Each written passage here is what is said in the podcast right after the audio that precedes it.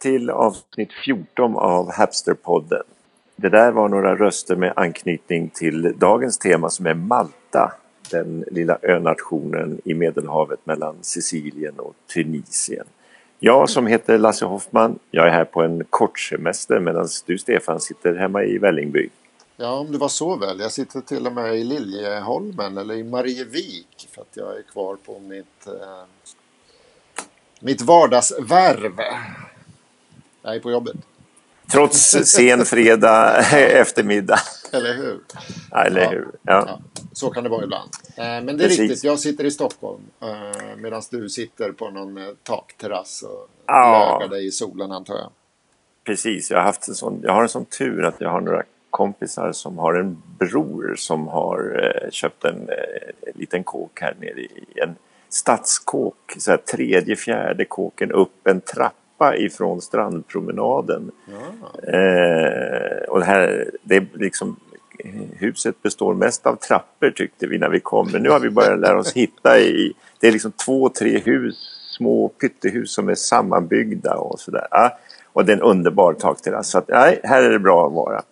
Eh, och jag har varit i, på Malta här i, vi har varit här några dagar. Och Alltså jag gillar att köra bil och, och framförallt när man är ute på semester då ska man hyra bil och så ska man köra. Och det, här på Malta är det lite, eh, det är en Ska liten man- ska man blandning. Inte, ska man inte cykla på Malta? Eller blandar jag ihop det med någon annan?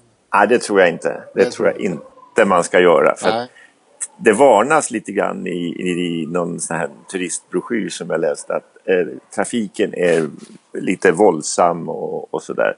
Jag tycker inte det är så farligt. Men det är ju, alltså bara hyrbilen, alltså den har ju liksom 43 skråmor på lacken och, Ja, ja. och och det här lite, du vet det här överbyråkratiska sättet när man ska hyra bil, att de ska gå igenom och, och markera på någon sån här figur var alla eh, skråmorna finns någonstans och så. Men, eh, mm. Du hoppar över det momentet? Alltså. Det är- nej, nej, nej, det, det, det tog ju en halvtimme bara. Det. Nej då. Exakt. och därför förvånas man. Det här är en liten sån här eh, europeisk Chevrolet, du vet de här Ja, ja, ja. kompakta småbilarna. Ja. Men, och jag förstår inte de som har stora Mercer och BMW här nere. Alltså det, det, är ett- det är vänstertrafik så det är liksom som i, att köra som i England. Ja. Fast det är ju som ett, det är ett hetsigt tempo som i Italien eller något sånt där. Alltså det är liksom en blandning. Och, eh, Nu hör vi väg- den amerikanska polisbilen eh, bakom dig där. Ja, ja, ja. Och det, men alltså vägarna de är ju översållade med rondeller. Ja, okej. och, och det är ju liksom i vänstertrafik så att det är tur att det är mycket bilar så att man vet vad, på vilket håll man ska köra av och sådär. Så att man inte hamnar fel. Va? Eh, och jag har ju haft, jag har hört hur det är när man har en, en när man hyr en, ehm, en vän, den, man sitter ju liksom till vänster i bilen. Nej, förlåt, man sitter ju till höger i bilen Ja. eh, sitter ju ratten.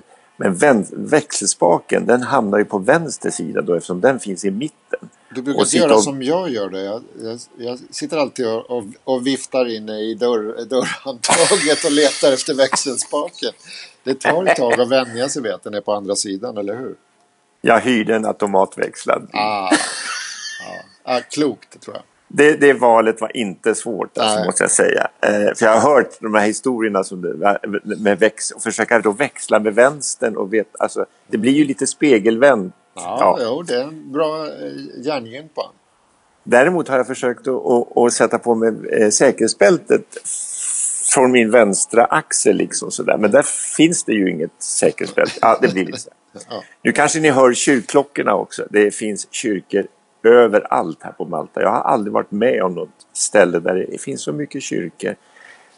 Eh, de måste vara super, måste vara eller har varit superreligiösa här på ön. Alltså. Eh, men, eh, och, det är ju liksom, och det är ju katolska kyrkor så de är ju översållade med guld och Kristus och ja, du vet. Ja, ja, jag vet hur Men har man, har man sett en kyrka har Extra, man ju... extra allt brukar man säga. Ja, det är extra, verkligen extra allt. Alltså. Och apropå extra allt. Tänk dig, tänk dig, försök föreställa dig en liten nersliten gammal fiskeby. Det är, ti, det är i en liten vik. eh, eh, ganska eh, branta berg i, på båda sidor. Och sen finns det plats för en 10-15 trähus. De här är jättenerslitna, taken liksom bong, alltså går ner lite grann i mitten. Det här är det som finns på 70-talet, slutet av 70-talet på ett ställe i Malta. Okej. Och så släpper du in Walt Disney och en filmbudget på 20 miljoner dollar i den här lilla fiskebyn. Va? Och vad blir resultatet? Ja, det, det som blir kvar när de har åkt hem, det är ju, det vet du, det är ju plast och... Jo, och jo, jo, men vilken film blev det tänkte jag. det är en, en... Det är Karl Alfred. Här, alltså Popeye. Okej. Med Robbie Williams i huvudrollen. Jaha, ja den tror jag aldrig jag såg. Nej, Robert Altman eh, är, tror jag är regissör. Alltså, så det är ganska... ganska ja. Så det, och, och ja, men dit måste vi åka. Popeye Village. Ja, men det låter ju så underbart. Så vi åkte dit. det låter inte underbart. Det är ju liksom ett mischmasch då av trä och plast och så har man Ja. eh, eh, engagerat några ungdomsskådisar som varje halvtimme ska uppträda då på byns pyttelilla torg eh, och, och liksom springa runt omkring med. Och Popeye han har ju en sån här majspipa och ja, det vet. Mm. Och så är det en tjej som ska vara, o, o, vad heter hon, Ofelia, Olivia eller något. Olivia tror jag. han- Olivia ja. Och någon, någon är sjökapten. Ofelia, det är väl Hamlet. Det är en annan nivå. och så tar de eh, 12 euro inträde och så får man, för dem får man ett vykort och en, så är det en tjej som går och fotograferar och så, med ett sånt, och så drar hon ut eh, ett sånt här, eh, vad heter det, sånt här minneskort och så skriver de ut ett litet fotografi som man får. Och så får man ett glas vin i. Ja, ja. Ja, En Ja, perfekt det- dag på Malta. Ja. Alltså det är så... Det är så- sånt du gör om dagarna alltså? Det är urtypen för en turistfälla. Alltså. Ja. Fast det var ändå lite charmigt. Det, Det fanns ju det, lite, ja, det fanns det. ju lite äkta där i botten. Någon, någonstans fanns det något äkta. Så ni åker tillbaks imorgon alltså? Nej, det vet jag Ja, vi åker hem, vi åker hem imorgon. I, idag är det ju fredag eftermiddag. Vi åker hem sent lördag. Eh, men när man läser, jag har liksom läst lite om Maltas historia och sådär. Ja. Då slås man ju av vilken, vilken tur vi i Sverige har, eller och har haft, som ligger liksom i utkanten av Europa. Det är ingen som är liksom, inga, ingen är intresserad nästan av oss Sverige. Det ligger liksom, va? Ja. Till skillnad från då Malta som ligger mitt i vägen för alla Ja, lite för centralt. ja, alla krigsherrar i alla tider. Här har ju liksom från tidernas begynnelse, höll jag på att säga, men fenicier, kartager, romare, araber, korsriddare, spanjorer, eh, ännu fler riddare, turkar, eh, fransmän i, form av Napoleon, engelsmän och tyskar och italienare har varit här och bombat under andra världskriget. Menar, alla krigare i alla tider har haft sina fingrar i den här kakburken. Ja, ja. Stackars människor alltså. alltså Men ser man Eh. spår av det? Eller har det, det sin egen identitet ändå? Bortsett från det här plastiga Hollywood-byn. Ah, det man ser spår av det är ju de här manteserriddarna. De, här, Ja. de, de kom hit då typ 1530 tror jag det är. Alltså, det är typ när Gustav Vasa blir kung i Sverige. Då kommer Napo- eller de här riddarna hit. Ja. Och sen kastar Napoleon ut dem då eh, i slutet av 1800-talet. Eh, riddarna kommer från, de, de bildas ju liksom i Jerusalem under korstågen. okej. Men så blir de ju utkastade därifrån och då hamnar de på Rhodos och, och, och sen expanderar liksom osmanerna, alltså turkarna och, och sen kastar turkarna ut dem från, från Rhodos och sen får de, får de Malta av den spanske kungen. Jaha. Och hyran är en jaktfalk om året Till kungen? Till kungen. Så riddarna ska leverera. Och finns det inte någon sån här eh, jak, eh, Falke, ma, ma, någon film som handlar om Falcon, jaktfalk? Falcon Crest. Alltså är det den? Ja, det var Men inte om. Lorenzo Lamas, eller vad hette han? var inte det Falcon Crest? Det var ju en falk som flög där. Men är inte det en, en, en tv-serie om någon vinodlare Ja, i, jo, jo. i Kalifornien? Jo, men det var någon falk inblandad, tror jag. Ja, ja, ja, med falken från Malta. Jag tycker det känns som en kanske... Ja, det är någon Humphrey Bogart med någon falk. Ja, jag tror att det är någon Humphrey Bogart eller något sånt där. Researchen har väl varit lite sådär. När det gällde just den där falken. Ja, ja, ja. Ja. precis. Men, det i alla fall. Man, Malteserfalk någonting. Ja, men de Malteser. här eh, riddarna, de var ju här i 170 år säger vi. Ja, Eh, och de finns ju. Och den, det är någonting man verkligen kommersialiserar på Malta. De, man säljer stora och små riddare i plast och i tenn och, och i, i princip överallt. Det finns riddare och de här malteserkorsen i nyckelringar och kassaskå, kass, eh, heter det, kylskåpsmagneter och nagelknipsar och kapsylöppnare. Och, ja, du vet, allt som går att sälja till turister. Där finns de här eh, grejerna. ja, ja. Du, får jag göra ett, jag gjorde en snabb research. Jaha, På svenska heter den Riddarfalken från Malta. ah, The precis. Maltese Falcon. Amerikansk film noir från 1941. I regi av John Huston. Med Humphrey, Och Humphrey Bogart. Bogart. Ja. Och Peter Lorre. Förlåt? Peter Lorre, kommer du inte ihåg honom? Det låter som Peter Dalle. Nej. Nej. Nej, men det här var en liten utvikning då. Det här var John Hustons första film. Ooh. Nu hör jag. Ja. Ja. Men det här, från Malta. vet du hur ett sånt här mal malteserkors ser ut? Eller det här? Ah, oklart. Ja, du vet, Beskriv. om du tänker det röda korset, det är ju som Ja. två tjocka minustecken som ligger liksom i ett kors. Ja. Men ett, ett malteserkors, det är, om du tänker dig en eh, eh, pilspets Ja. med två hullingar liksom. Så, och det är Ja, fyra sådana spetsar som bildar det här eh, korset. Då. Med spetsarna inåt. Spetsarna inåt och hullingarna utåt. Så det Ja, blir ju åtta, åtta sådana här uddar då utåt. Och de här åtta uddarna de står för de åtta ridderliga dygderna. Ooh. Den första är heder och ära. Den andra är tapperhet, fromhet, frikostighet. Den femte är hjälpsamhet mot de fattiga och sjuka. Den sjätte är vördnad för kyrkan. Sjunde dödsföraktet. Och åttonde trofastheten. Där du! Okej. Det var de ridderliga dygderna. Ja, ja. Och vet du, jag eh, eh, har ju också lite information om det här. Och det är intressant för det här korset finns ju avbildat på mer än på Maltas eh, handelsflagga.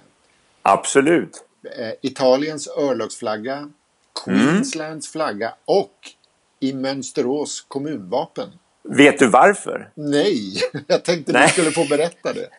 Absolut. Det fanns nämligen ett, ett kloster i Mönsterås, eller i Mönsterås kommun då. Eh, i, från eh, slutet av, alltså under några 40-50 år där från slutet av art- 1400-talet och fram till eh, reformationen då. Okej. Eh, då, då allt som hette katolicism slängdes ut från Sverige och när Sverige blev, när Gustav Vasa gjorde Sverige protestantiskt. Och då tänker man så här, ja men det där riddarna, det, är ju, det tillhör ju liksom gamla tider. Vet du hur många riddare finns idag? Såna här malteserriddare? Ja, det finns säkert ganska många fast de inte rider omkring som Ivanhoe längre. Nej, nej, det finns 13 000. Oj. Och de har 80 000 volontärer, alltså i 120 länder som hjälper till. De, deras grej var ju sjukvård och sånt där, även om okej. de var liksom riddare och sådär. Ja. Mm. Ja. ja, så mycket riddare. Men, Ja. men första gången jag hörde, jag vet inte om det var första gången jag hörde talas om Malta, men det som gjorde en starkt intryck det var ju när, när Sverige skulle spela fotboll på Malta 1973. Kommer du ihåg det? Nu ska vi se. 73. Eh, det är kvalet till VM 74 kanske? Absolut. Ja. Och då var det, då var det i, våran, i, i, svenska, i Sveriges kvalgrupp då, så var det Österrike, Sverige, Ungern och Malta. Och Malta hade ju, var, hade ju liksom noll poäng. Medan Österrike, Sverige och Ungern, de hade spelat i princip alla o, bara oavgjort mot varandra.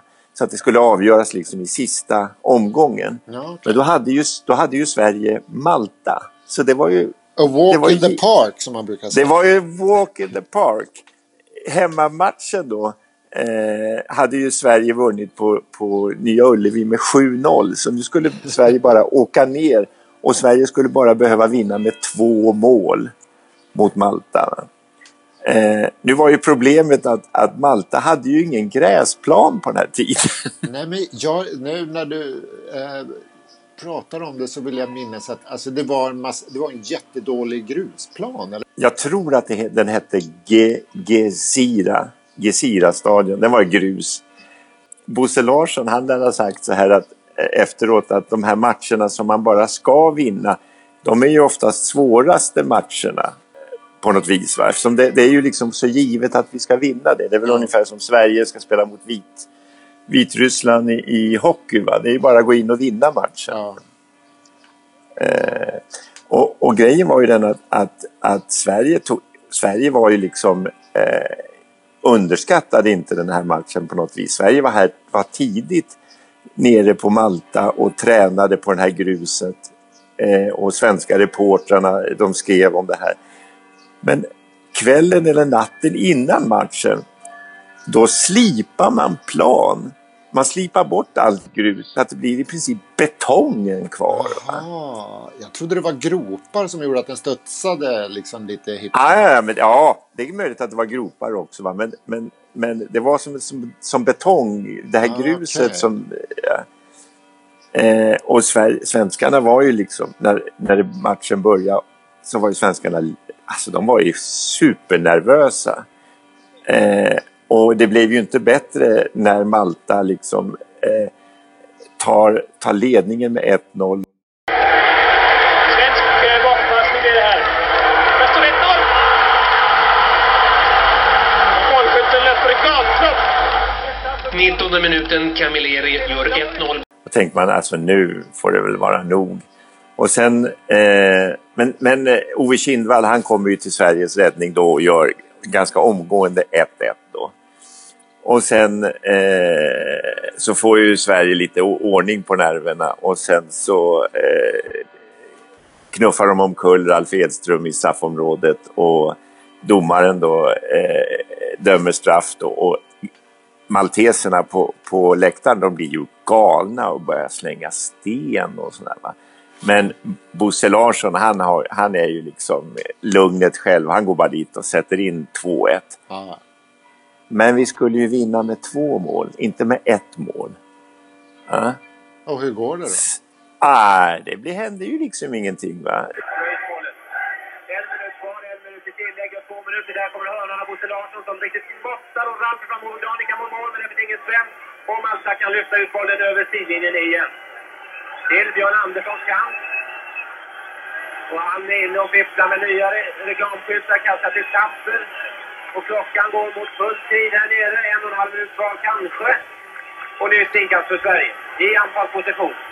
2-1 räcker inte till Bosse Larsson som försöker vrida in bollen med en boll och ett nytt inkast för Sverige.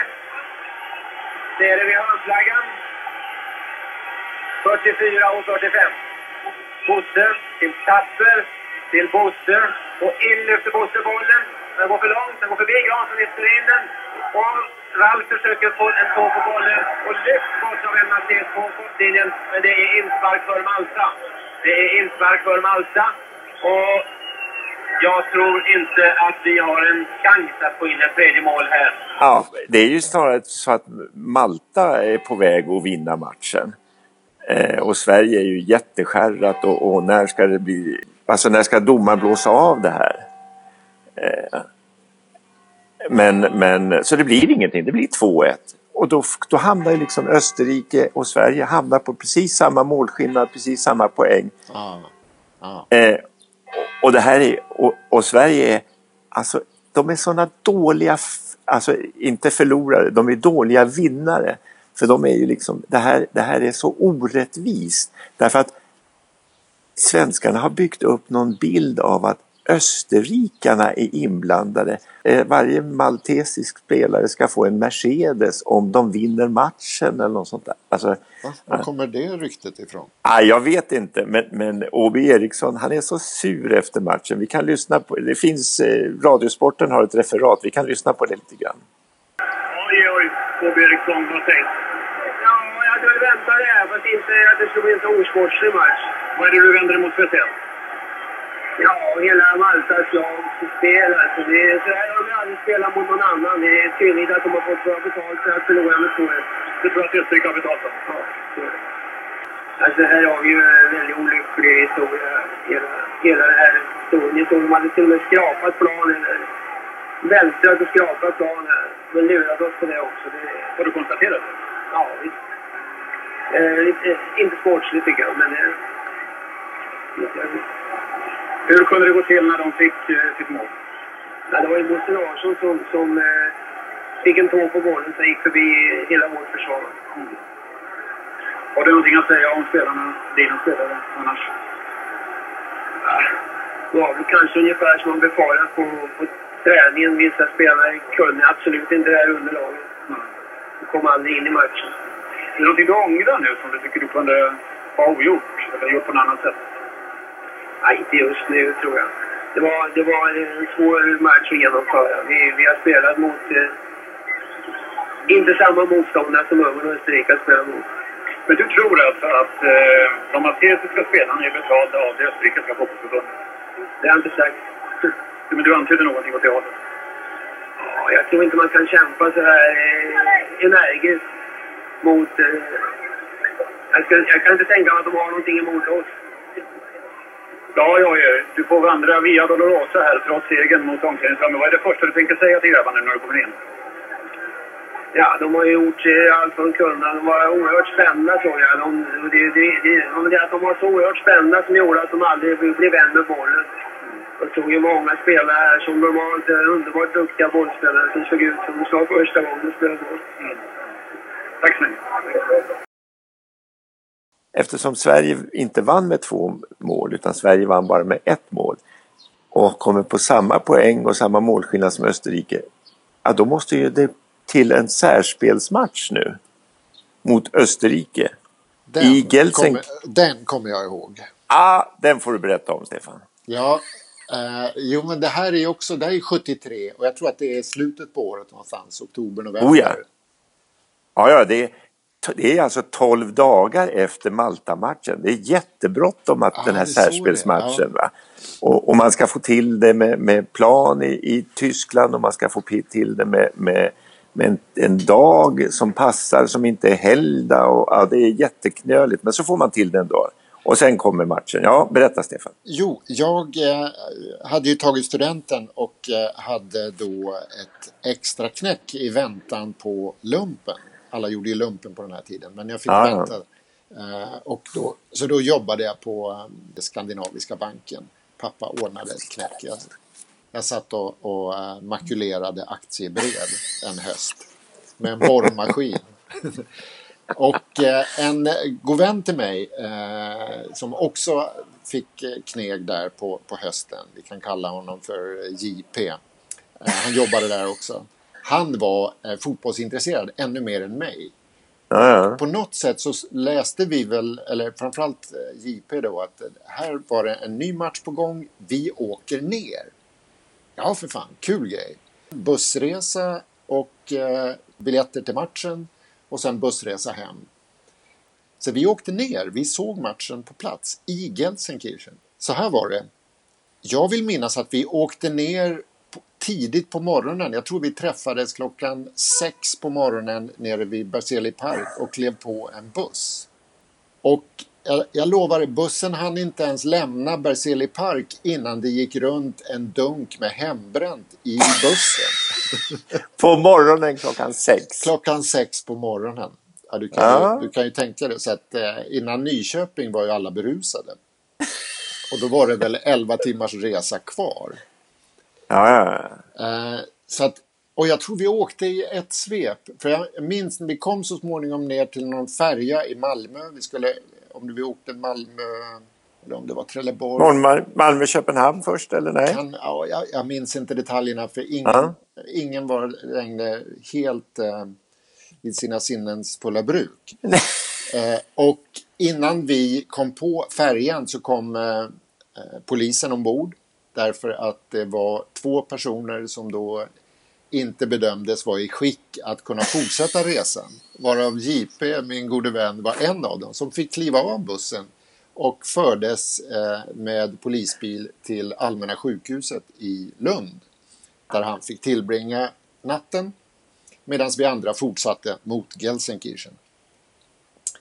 Så att vi kom ner någon gång, vi hann väl ta några öl eh, och äta någonting och så vips så var vi på arenan i snögloppet. Ja, för det var ju fortfarande osäkert om matchen kunde eh, starta. För det var ju liksom... eh, det- Ja, det snöade ganska mycket, eller? Ja, alltså jag tror att vi var nog lite under tak. Men eh, absolut att det snöade som, som en, nästan som en vinterdag. Jag tror om man, Ja, ja. minns, eh, om man har sett tv-bilderna så ser man nog att det är rätt så kraftigt snö. Mamma hade virkat någon eh, gul och blå halsduk till mig som jag hade Mm. firat runt med för att visa att vi var från Sverige.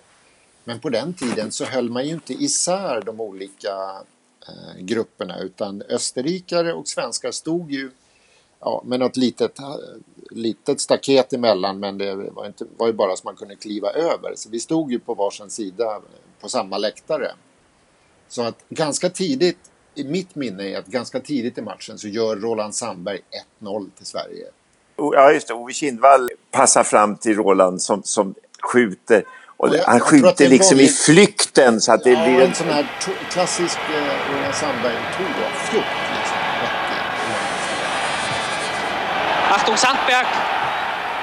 Und Tor für Schweden.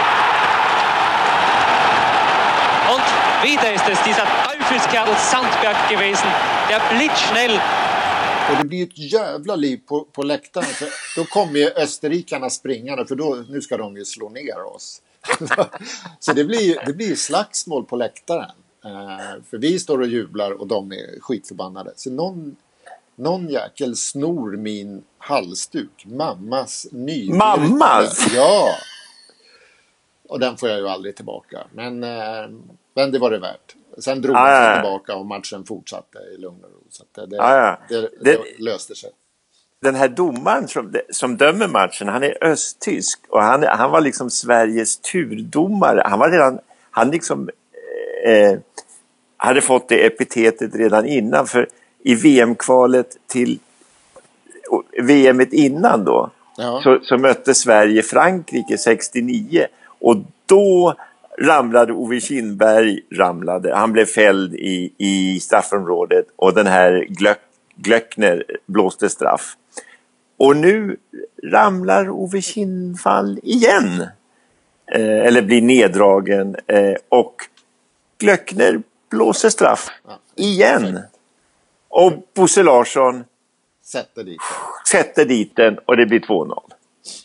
Men vann vi matchen med 2-0 eller 2-1? Jag kommer inte ihåg. Nej, 2-1. För, Det för 2-1. det är ju inte, det är ju, alltså det är ju, om man ska prata om rättvisa i sport, det är ju inte rättvist. Sverige gör en skitdålig match. Och Österrike spelar rena propagandafotbollen, men de får bara ett mål. Ja. Och det är väl tur det, alltså. Att eh, Ronny Hellström är på, på bra humör den här matchen. Va? Eh, Det, Ja. svåraste är ju, det svåraste som Ron, Ronny Hellström har, förutom målet, är en bakåtpassning av Staffan Tapper. Mm. Om du kommer ihåg namnet. Men, Ja, ja. jag, jag minns eh, honom. Ja. Ja, men i alla fall, så att vi vinner ju matchen så vi är ju eh, nöjda och glada och eh, går ur, ar, ur arenan, in på bussen och sen så vänder vi hemåt. Vi åker direkt efter matchen.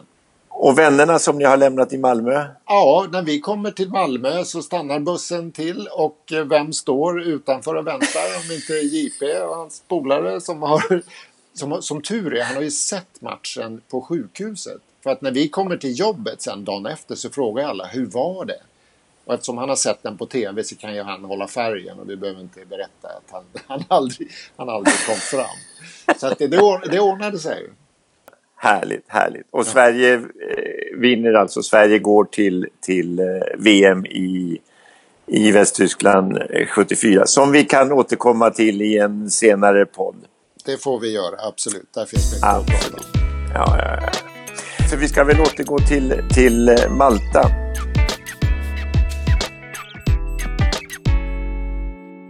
Jo, jag var inne på eh, i Maltas huvudstad Valletta idag. Och Ja. det stod det en stor... Eh, Men ni, ni bor inte i Valletta just nu? Alltså? Ja, vi bor liksom i... i eh, I en förort I en stad. till Valletta? ja, jag vet inte om det är en förort. Man tar... eh, Det, här i Valletta så är det som liksom flera vikar Ja. in. Och vi bor en vik liksom ifrån Valletta i några städer i den gamla huvudstaden som fanns när riddarna kom hit. Men de underkände den här huvudstaden för den här, det gick liksom inte att försvara den här huvudstaden så de byggde, byggde då Valletta och, ja, och den, han som var liksom stormästaren bland riddarna han hette Valletta eller Vallette eller något sånt där. Okej. Men vi var där inne i alla fall och där stod det några såna här eh, koppar, eh, såna här minnesplaketter då. Och så var det eh, ett så var det Churchill och Roosevelt och så stod det No more let us falter from Malta to Jalta. Let nobody alter. Och jag vet inte riktigt vad han menar men no more let us falter. Låt oss aldrig mer vackla. Ja, det skulle det kunna Något sånt där va? någonting. Från Malta till Jalta, det är ju inte så svårt. Nej. Let nobody alter. Låt ingen förändra eller, Ja, ja. eller något sånt där. Ändra på det. Ja. Eh, och det var alltså Jalta, det var ju en, en konferens mellan Churchill, Stalin och Roosevelt i februari 1945. Ja, det finns väl en, är det den berömda bilden när Roosevelt sitter med en filt eh, över sig? Ja, det ser lite då är liksom, ut. Alltså. ja, Roosevelt är ju döende. Han, är, han, han är liksom svag. Churchill är ju stenhård. Churchill har ju liksom aldrig tvekat vem, vem Stalin är. Han klassar ju ungefär Stalin i samma kategori nästan som Hitler. De är ju liksom folkfiender båda två. Men Roosevelt vacklar lite grann och, och liksom, eh, vet inte riktigt vad han ska tro om Stalin. Det är därför no more let us falter. Vad har det här med Malta att göra? Ja. Jo, Churchill vill att innan de åker till Jalta så ska de träffas på Malta. Jaha. Churchill och Roosevelt för att snacka ihop sig. Taktiksnack. Taktiksnack. Ja, men det brukar Och då- vara klokt. Ja, ja, en version säger att det här är det som Churchill säger när han står ombord på en engelsk, eh, på däcket till, en, till HMS Orion här i, i Maltas hamn och Okej. ser när Roosevelt kommer in på hans skepp USS Quincy. Eh, så ska han säga det här då och sen så ska de konferera och sen åker de till Malta.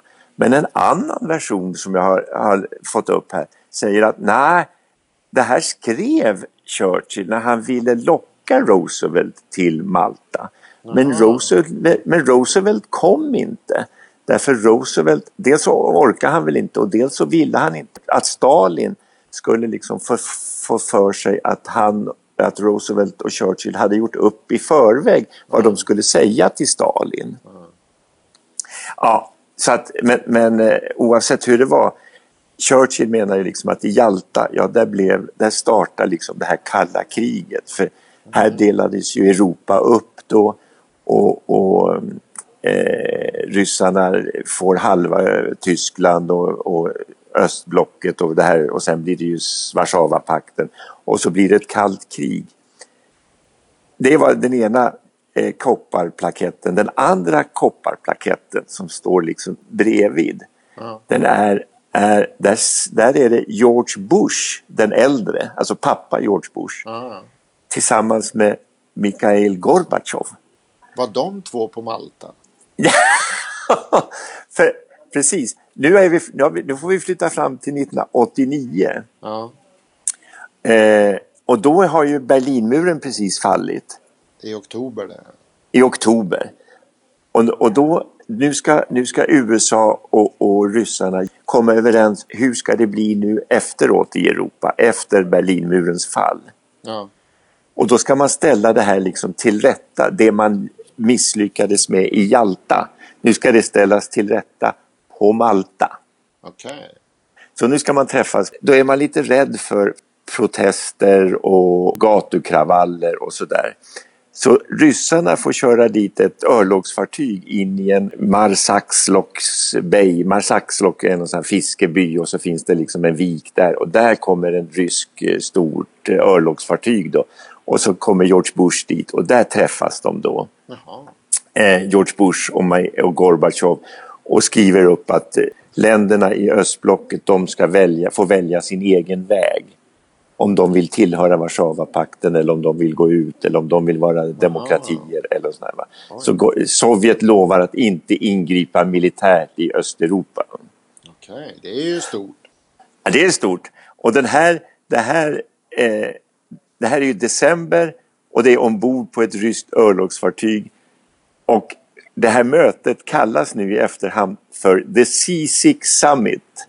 Eller sjösjukemötet.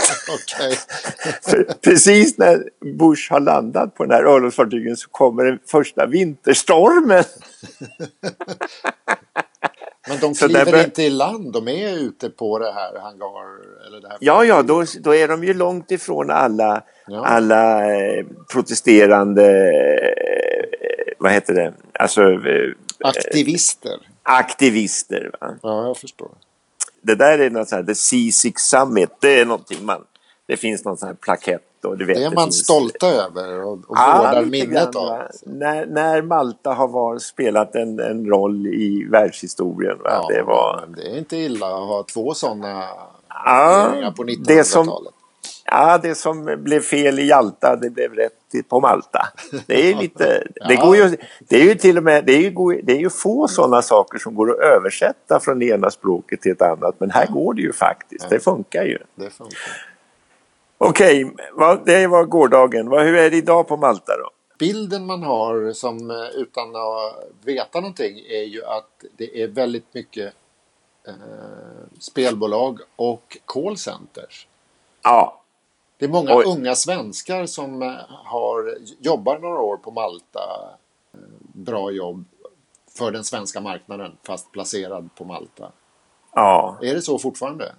Ja, jag tror ja, eh, alltså Betsson och de här finns ju här på Malta. För Malta har ju liksom ett, ett, eh, ett utav Europas generösaste regler för sådana här spelbolag. Så att nu, det är ju inom EU så att det finns, man behöver ju inget visum så, där, så man vet ju inte riktigt hur många svenskar som bor här. Men man tror att ja, tre, mellan 3 000 och 4 000 svenskar som bor på Malta. Ja. Sverige har ju ingen, ingen ambassad på Malta, det är ju liksom Malta för litet för. Men Ja.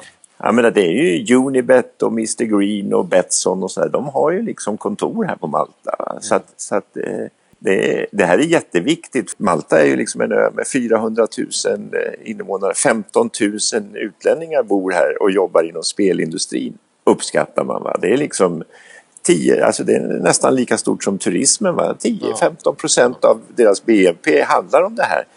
Och det är ju, jag tycker ju det är ju jättekonstigt. Alltså hur kan, hur kan EU tillåta att det är liksom olika, så olika regler Varje land har väl eh, sin frihet att eh, sätta sina olika skatteregler och annat. Det är väl, eh, det är väl inte orimligt.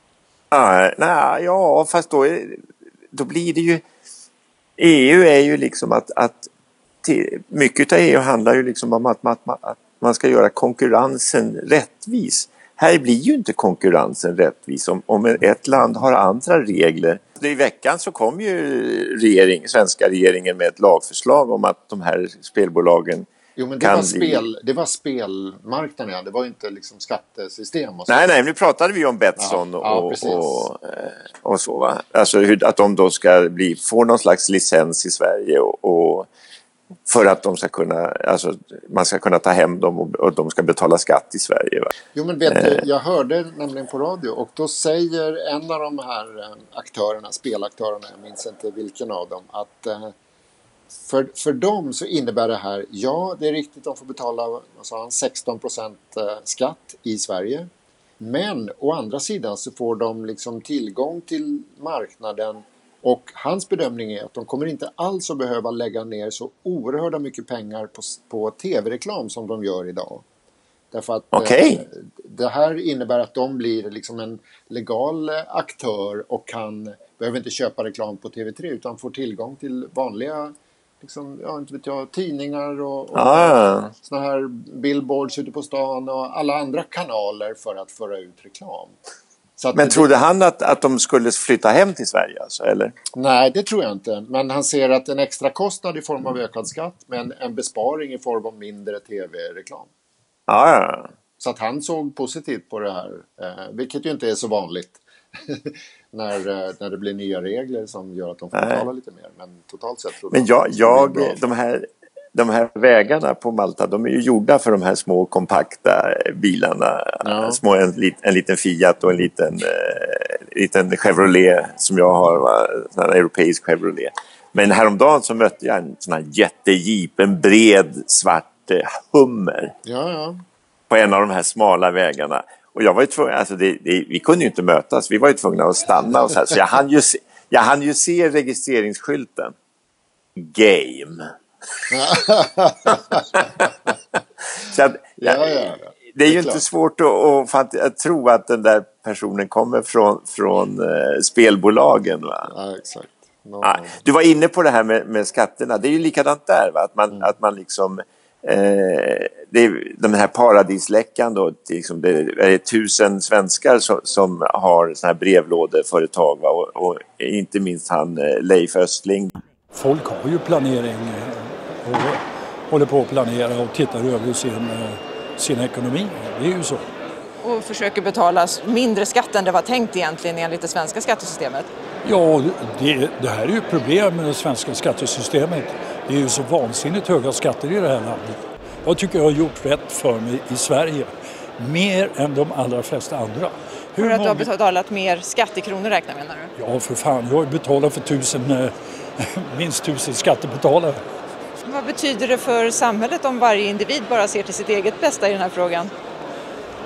Ja, det, fin- det, det finns ju alltid en egoism i det hela. Och, eh, man frågar ju sig också, betalar man in nu 20-30 miljoner per år, vad fan får jag för pengarna? Får du inget för pengarna menar du? Inte mycket. Va? Nej. EU är ju liksom ute efter Malta och efter det här. Va? Alltså, de, de säger ju det. Va? Alltså, Malta och Luxemburg och de här, de plundrar ju andra länder på skatter. Va? Så att, alltså, och det är ju vår välfärd, ska ju liksom, det, skatterna ska ju betala vår välfärd. Så att, om det här vore liksom länder utanför EU, ja då skulle jag förstå det. Alltså att det är Panama eller något sånt här. Men när det är liksom EU-länder så jag har väldigt svårt att förstå att, att, att, eh, att Malta och de här länderna får ha sådana här eh, affärsmodeller som då gynnar liksom oschysst konkurrens. Ja, nej, men jag, jag kan hålla med om att man, eh, man borde hitta ett mer enhetligt system inom EU som, som tar bort de här stora förändringarna. Sen får väl varje land bygga upp sin eh, välfärd på det sätt man finner lämpligt. Absolut, ja, ja. Så att eh, du kommer alltid ha olika skatteregler och sånt och det, det tror jag inte du kommer ifrån. Men eh, det är framförallt den här transparensen, att man ska inte kunna gömma undan saker någonstans. Du måste Nej. ha ett öppet system. Så att, eh, Ja. Ja, men det är ju lite grann av, av Malta. Va? Man, har, Ja. man har liksom nästan samma villkor men det är så, det är så ojäm, eller otransparent. Det är så, det är så eh, döljt i dunkel utav skatte eller banksekretess och så här. Så att, ja, ja. Ingen... det, det eh, måste, man, måste man ju ändra på tycker jag. Det, det finns ju ingen som helst anledning att, att, att det ska behöva vara så inom EU.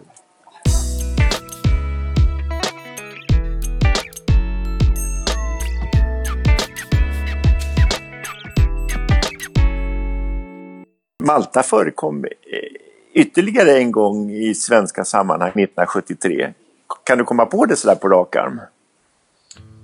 Ja, det måste vara Eurovision då. då. Ja, och vad då? det? då? Nej, jag Ja. vet, det var bara en vild gissning.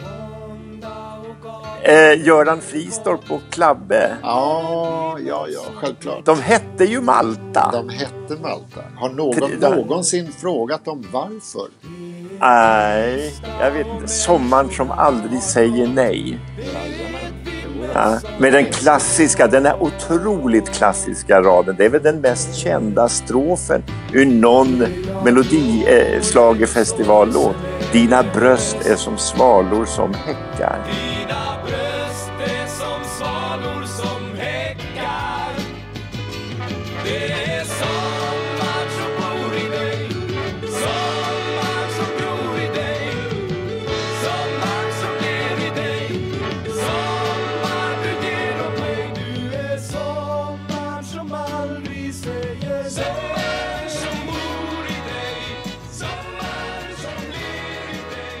Kommer du ihåg vem som skrev?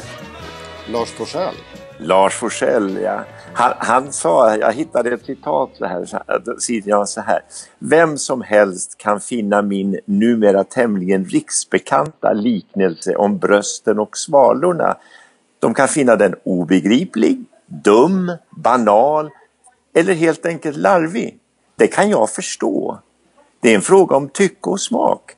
Men att denna liknelse på något sätt skulle vara förolämpande för kvinnan och kvinnosaken, det går över mitt huvud. Ja. Jag tycker det, det, det var ganska, alltså jag tycker det, i, i dessa metoo-tider, en ganska alltså, eh, aktuell nästan förklaring. Ja, Det här året 1973 var det en expertjury som, som eh, röstade fram då sommaren som aldrig säger nej. Och vet du vilken som, låt som folket ville ha? ABBA Ring Ring. Absolut ABBA och Ring Ja. Ring. Men eh, ja, de minns ju. Eh, eh, Fris, Göran Fristorp och, och Claes av Geijerstam de fick ju byta namn på Malta till finalen. Även om Malta det året inte var med i Melodifestivalen.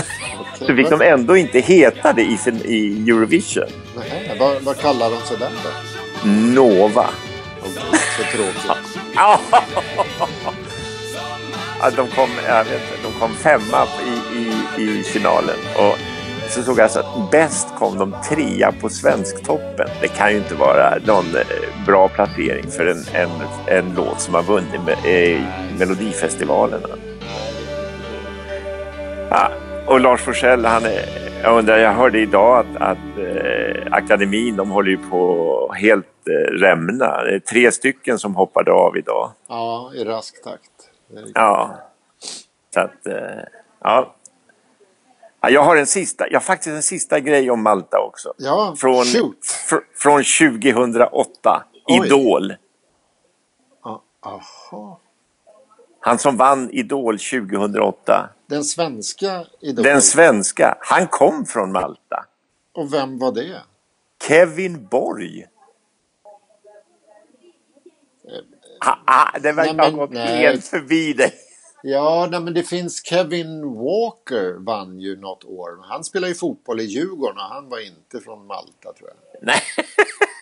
Var det någon annan Kevin som har vunnit? Kevin också? Borg vann 2008 Idol.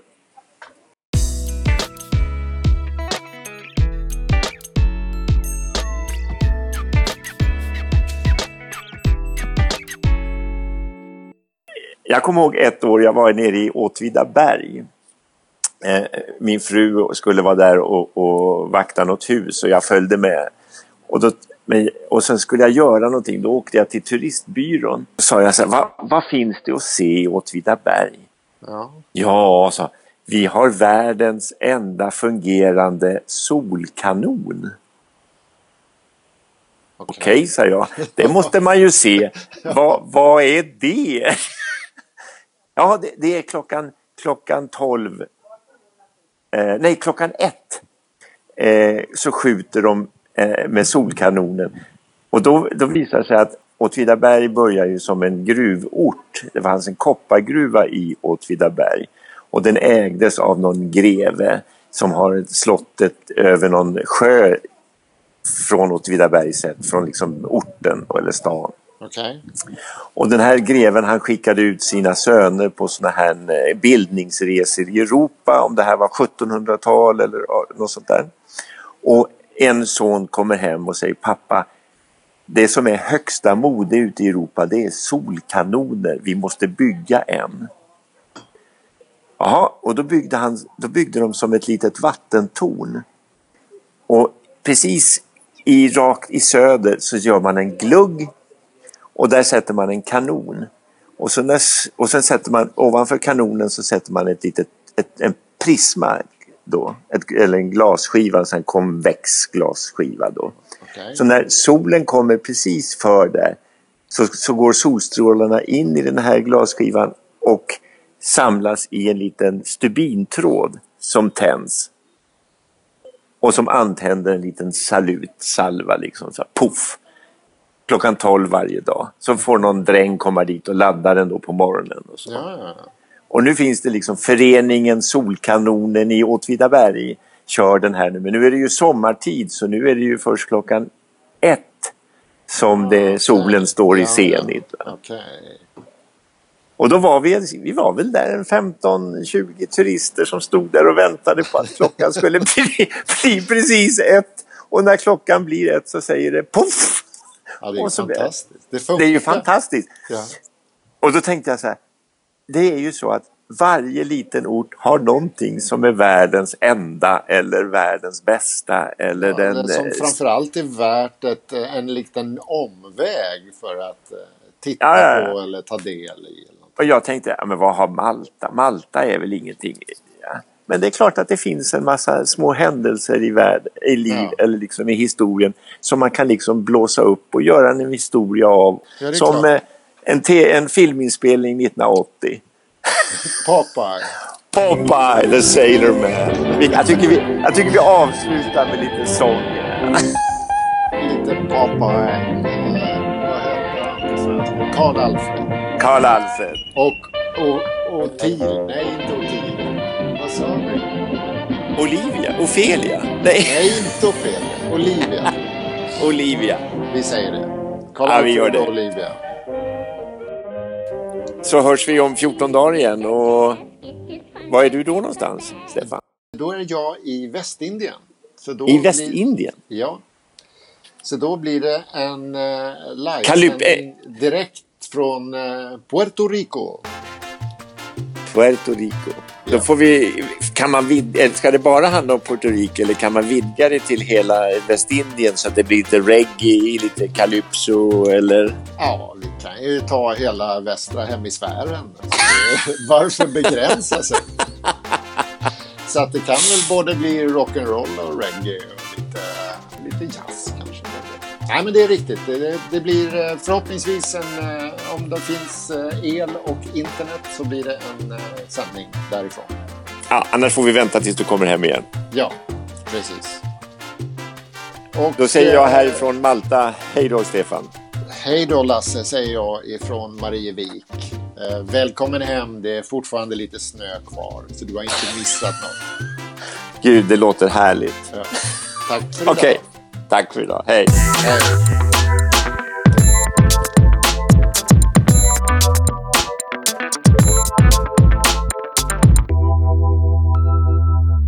Hapster. Lite djupare, lite bredare, lite mera höjd. Vi reser i nuet, lyfter historien och fångar framtiden. Vi finns på Facebook som Hapster Podcast. Länkar och extra material hittar du alltid på hapster.se på webben. Och våra poddar finns på iTunes respektive Soundcloud. Tack för att du följer oss.